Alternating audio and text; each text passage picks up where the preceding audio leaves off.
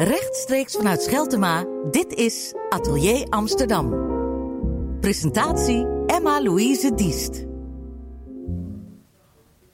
Ja, met zijn afstudeerfilm Magnesium viel hij meteen op. We werden verleid door zijn aantrekkelijke clip bij het nummer Drank en Drugs.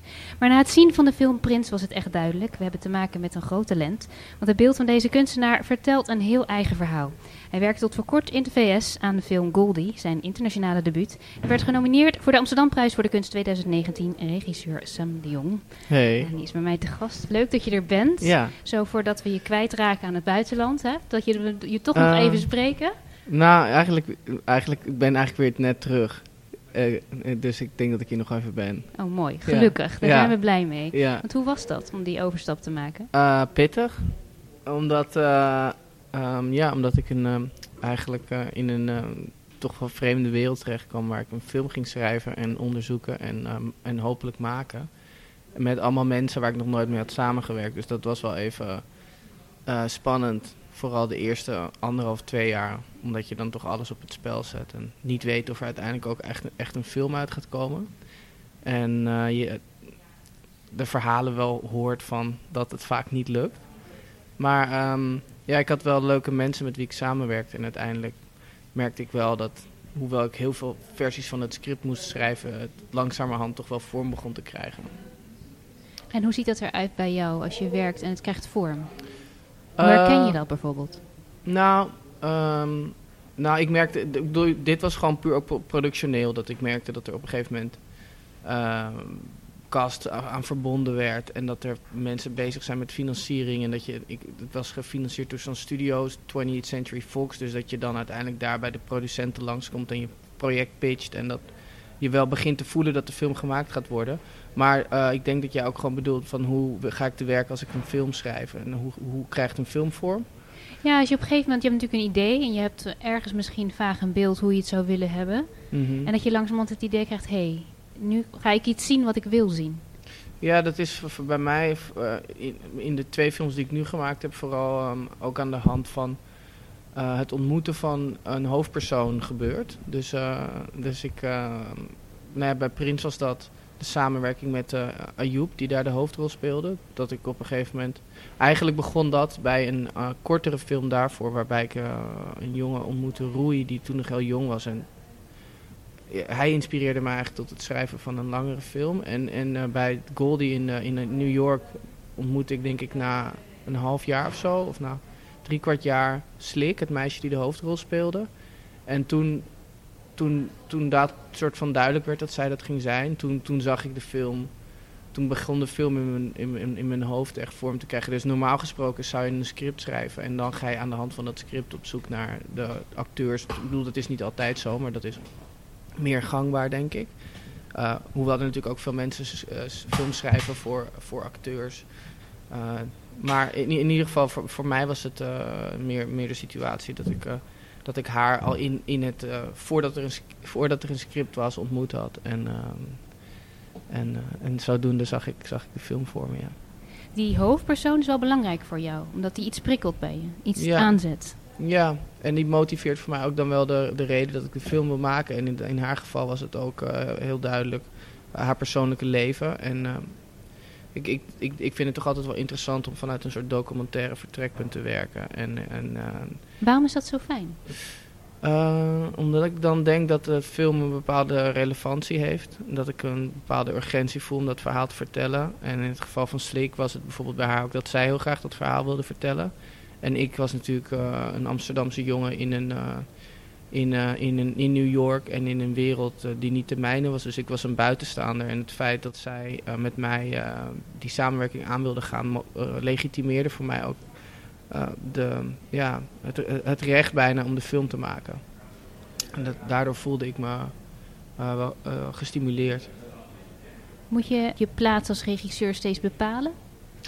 Um, ja, ik denk het wel. Ik denk wel dat je op, tegen, tegenover elk verhaal anders moet verhouden. En, um, en ook moet nadenken wa waarom jij die film wil maken. En waarom jij de persoon bent om dit te doen. Of om, om, uh, want, want anders, het is niet iets vrijblijvends denk ik. Je hebt natuurlijk best wel veel verantwoordelijkheid als je een film vertelt. Omdat je in principe een unieke kans hebt en een groot podium. En daar wil je wel met, uh, met uh, ja, met de juiste, juiste instelling mee omgaan.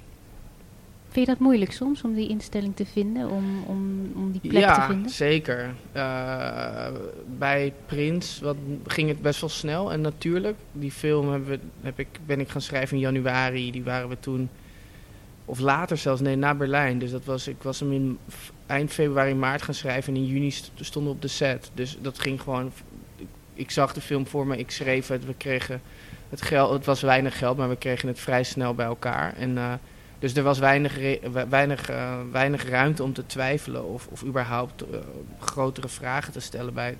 bij, bij Tuurlijk hadden we een heldere motivatie, ik wist heel helder waar de film voor mij over ging, maar er was weinig ruimte om te twijfelen over de, ja, de, de, le de legitimatie van het verhaal, zeg maar. De legitimering van het verhaal. En bij, bij, bij de tweede film duurde het ontwikkelingstraject ongeveer twee jaar. Dus dan heb je best wel veel momenten dat je alleen door New York strompelt en, en denkt van ja, waar ben ik, ja, waardoor je veel existentiëler eigenlijk aan het nadenken bent over wat je aan het maken bent en, en waarom je dat nou wil. En uh, ook omdat je dan toch best wel veel leegte voelt en soms ook vrij alleen in dat proces staat. Uh, ja, vind ik dat soms wel lastig.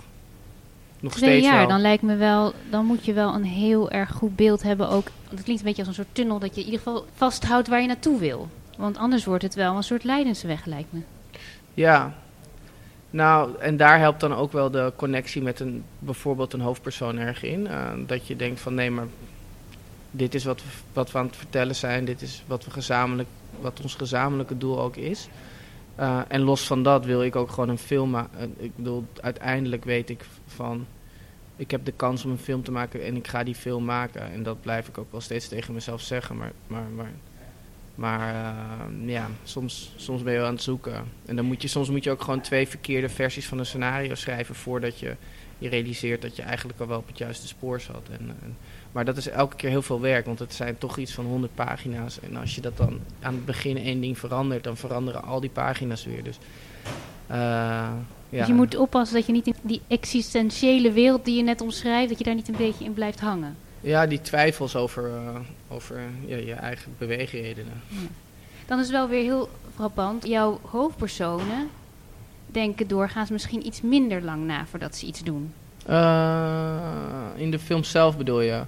Ja, die zijn vrij impulsief. Uh, en dat zijn ze ook denk ik in het echte leven ook wel. Want de, dat vind ik dan ook wel interessant om te kijken. Het zijn ook debutanten in, de, in het werk wat ik tot nu toe gemaakt heb. Zijn het steeds debutanten geweest in de hoofdrollen dan. En niet, niet in, de, in de bijrollen. Want da, daar werk ik toch vaak wel met hele getalenteerde en bekwame mensen. Die ook echt essentieel zijn voor de, voor de film. Anders waren ze denk ik allebei nooit uh, afgekomen.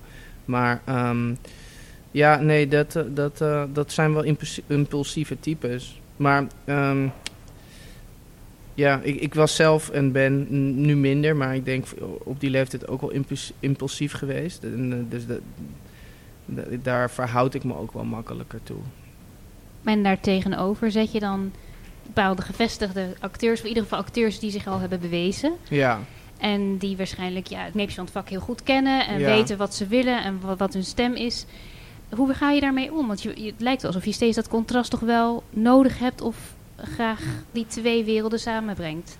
Ja. De net startende acteur en de acteur die er al een tijdje is. Ja.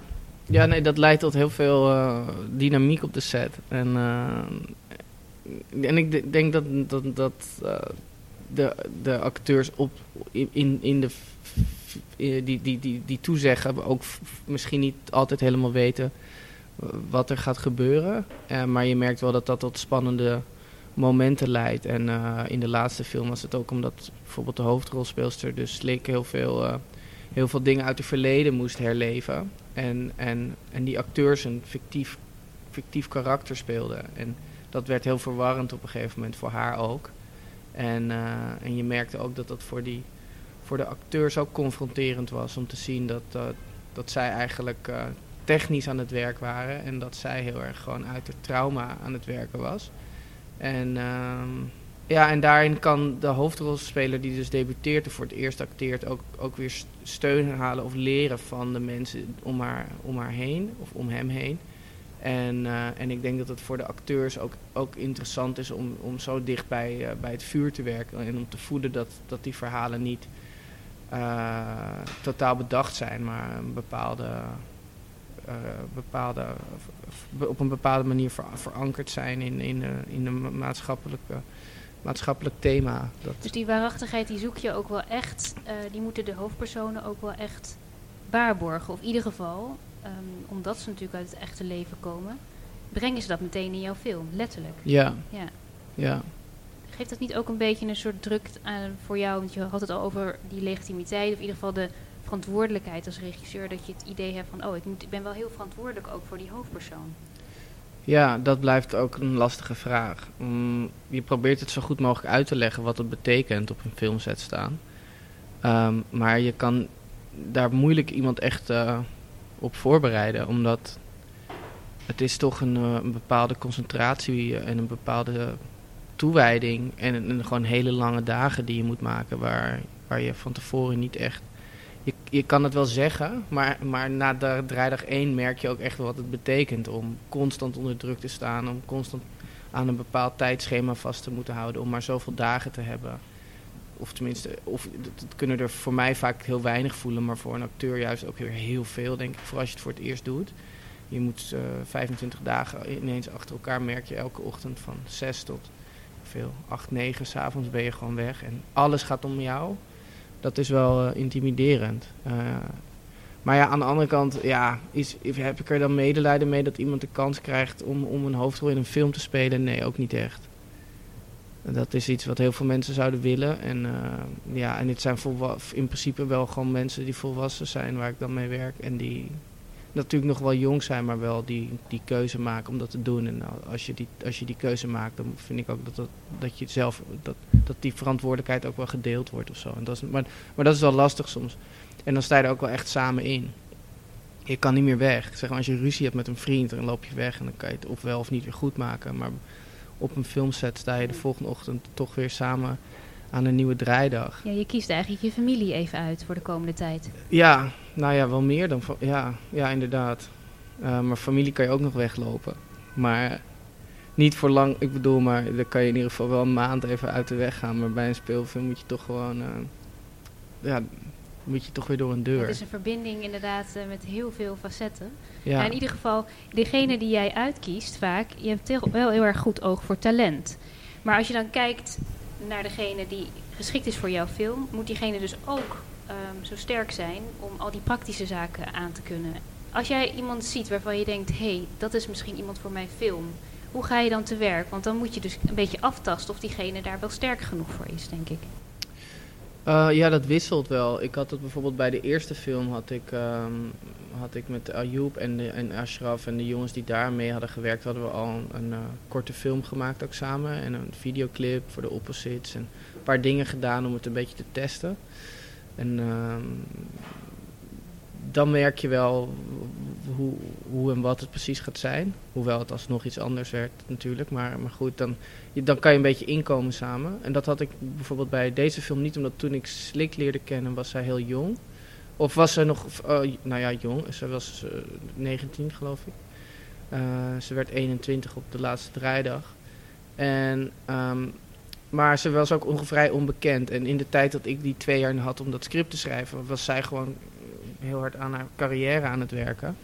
En, eh, en was ze ineens eh, een heel groot model in Amerika. Dus dat, dat, daardoor hadden we vrij weinig tijd om het voor te bereiden. Of had zij vrij weinig tijd om het voor te bereiden. En ja, dat, dat, dat maakt het dan ook wel lastig. eh, of tenminste lastig. Dan, dan inderdaad, dan ideaal in een ideale wereld heb je, heb je wat tijd om een keer misschien een dagje te draaien. Maar goed, een draaidag kost ook zo 30.000 euro. Dus die kan ook niet even, eh 40, eh, die kan niet even een dagje gaan filmen om het... eh, Nee, maar het lijkt me ook wel ingewikkeld. Want ik, als ik het zo hoor, heb je inderdaad iemand waarbij je een heel duidelijk beeld hebt. Hoe wat jij wil hebben en wat je wil, wat je wil laten zien aan het publiek. En als iemand dan ineens zo'n ontwikkeling doormaakt, kan dat beeld wel helemaal veranderen. ja. Dat kan jouw film dan ook veranderen. Of in ieder geval het proces. Ja. Ja, dat, dat, dat moet je, je moet inderdaad ook wel, ik, ik, ik blijf, je blijft ook vaak wel nog dingen herschrijven. eh, gewoon na een draaidag. Dat je denkt, oh, nu moeten we morgen dit doen. Ah, dat nu hebben we die scènes zo gedaan. En dan moet het toch wel net, net allemaal iets anders, uh, anders gaan. Um, en wanneer ben je tevreden met een beeld? Wanneer denk je, ja, dit is wat ik wil laten zien? Mm, met het beeld zelf bedoel je? Of met de hele samenkomst van dingen?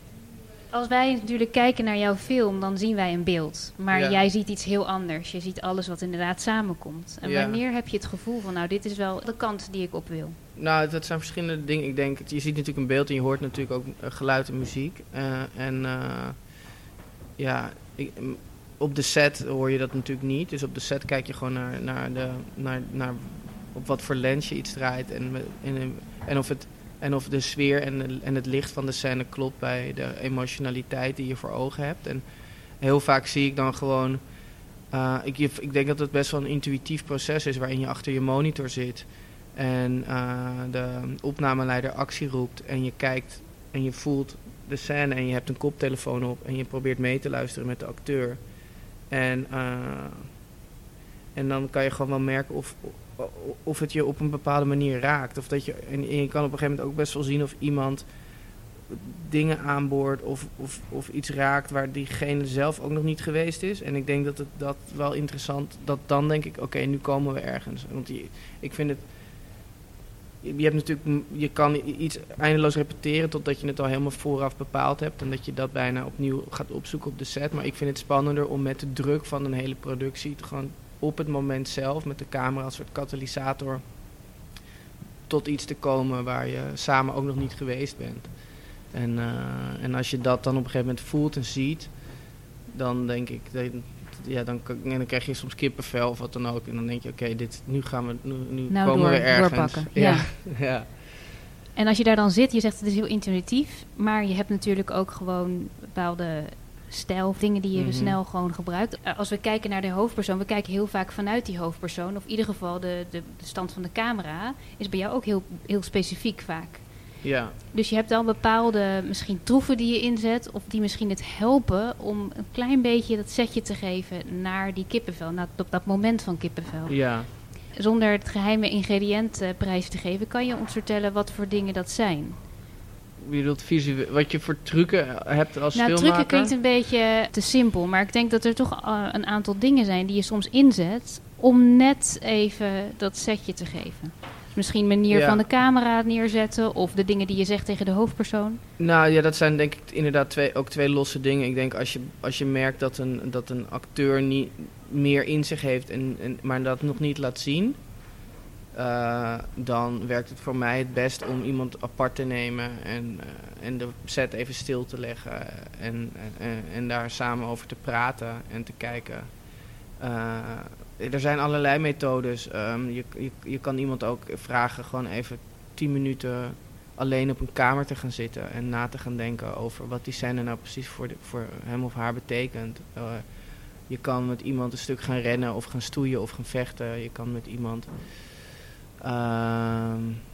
ruzie maken. Je kan eh, allerlei dingen doen om, eh, om tot een bepaalde sfeer te komen. Ehm, en visueel heb je natuurlijk wel. Nou ja, dat, dat doe je met het hele team. Dus, dus eh, dat, dat- daar ben je denk ik van tevoren ook al in de pre-productie met, met je production designers en geluid en camera. En, en, je- en, en iedereen samen ben je bezig om, om, om constructies te bouwen waarin je weet dat je een bepaalde, ehm, bepaald gevoel kan gaan overbrengen. Dus dat, dat kan zijn dat als je weet dat, dat, dat iemand zich totaal zich beter voelt en euforischer dan ooit tevoren, dan kan je natuurlijk gaan nadenken over een heel mooi la- laag slow motion shot waarin iemand een soort van glorieus boven de kijker uit torent. En, eh, en zo zijn er allemaal dingen waarin je ook in kleurgebruik ehm, ehm, dingen kan laten contrasteren. Of juist, je kan natuurlijk, als iemand somber is, kan je alles kleurloos maken. Maar dat is ook natuurlijk vrij voor de hand liggend. Maar je kan ook juist eh, dat, dat, moment tegenover een, een juist kleurrijke achtergrond zetten. Waardoor je, waardoor je het contrast tussen, tussen omgeving en hoofdpersoon groter maakt. Ehm, Dus je moet steeds kijken wat er van jou gevraagd wordt als regisseur. Of je Mm. moet stoeien, of je in gesprek moet gaan met iemand, of iemand rust moet geven, of juist onrust Ja. moet geven. Ja, en je moet natuurlijk gewoon steeds kijken van wat is mijn smaak ook. En, eh, want er is geen één manier, er zijn honderd manieren. En eh, dus ik, ik denk dat het ook in het moment, in het moment zijn is op de set dan. Dus kijken van, ehm, ben ik dit nu ook goed aan het beoordelen of ben ik gek aan het worden? Zie ik iets wat er niet is? En daar heb je dan natuurlijk ook weer je producers mee voor en iedereen waarmee je ook samen gewoon gesprekken kan blijven voeren van zijn we, maar is, is dit logisch of, of, of, of zijn we het gewoon helemaal kwijt? Uh, en ehm, in ieder geval dat je constant, je bent de hele tijd bezig om te kijken wat er van jou gevraagd wordt als regisseur. Ja, precies. Ja, En of dat ook wel overeenkomt met, het, met jouw mening of jouw beeld. Ja, nou ik denk niet dat er per se heel veel van je gevraagd wordt in het moment. Ik denk dat je samen ook wel een echt vooropgezet plan aan het uitwerken bent. Maar ik denk dat je elkaar constant scherp aan het houden bent en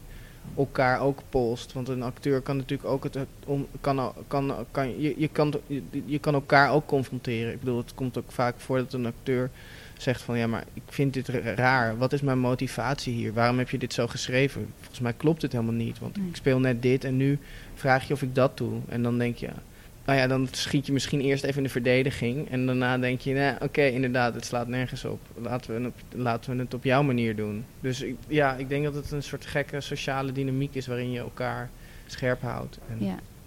Nou, een dynamiek die inderdaad wel overkomt ook op het publiek. Ja. En die het publiek ook scherp houdt. In zijn greep houdt ook. Want uh, je hebt er een hele hoop fans bij gekregen. Ik ga je heel erg veel uh, succes wensen met alle projecten die je nog aangaat. En uh, ja, en alle mooie hoofdpersonen die je gaat ontdekken. En wij ook daarmee. Ja, bedankt. Bedankt voor het gesprek.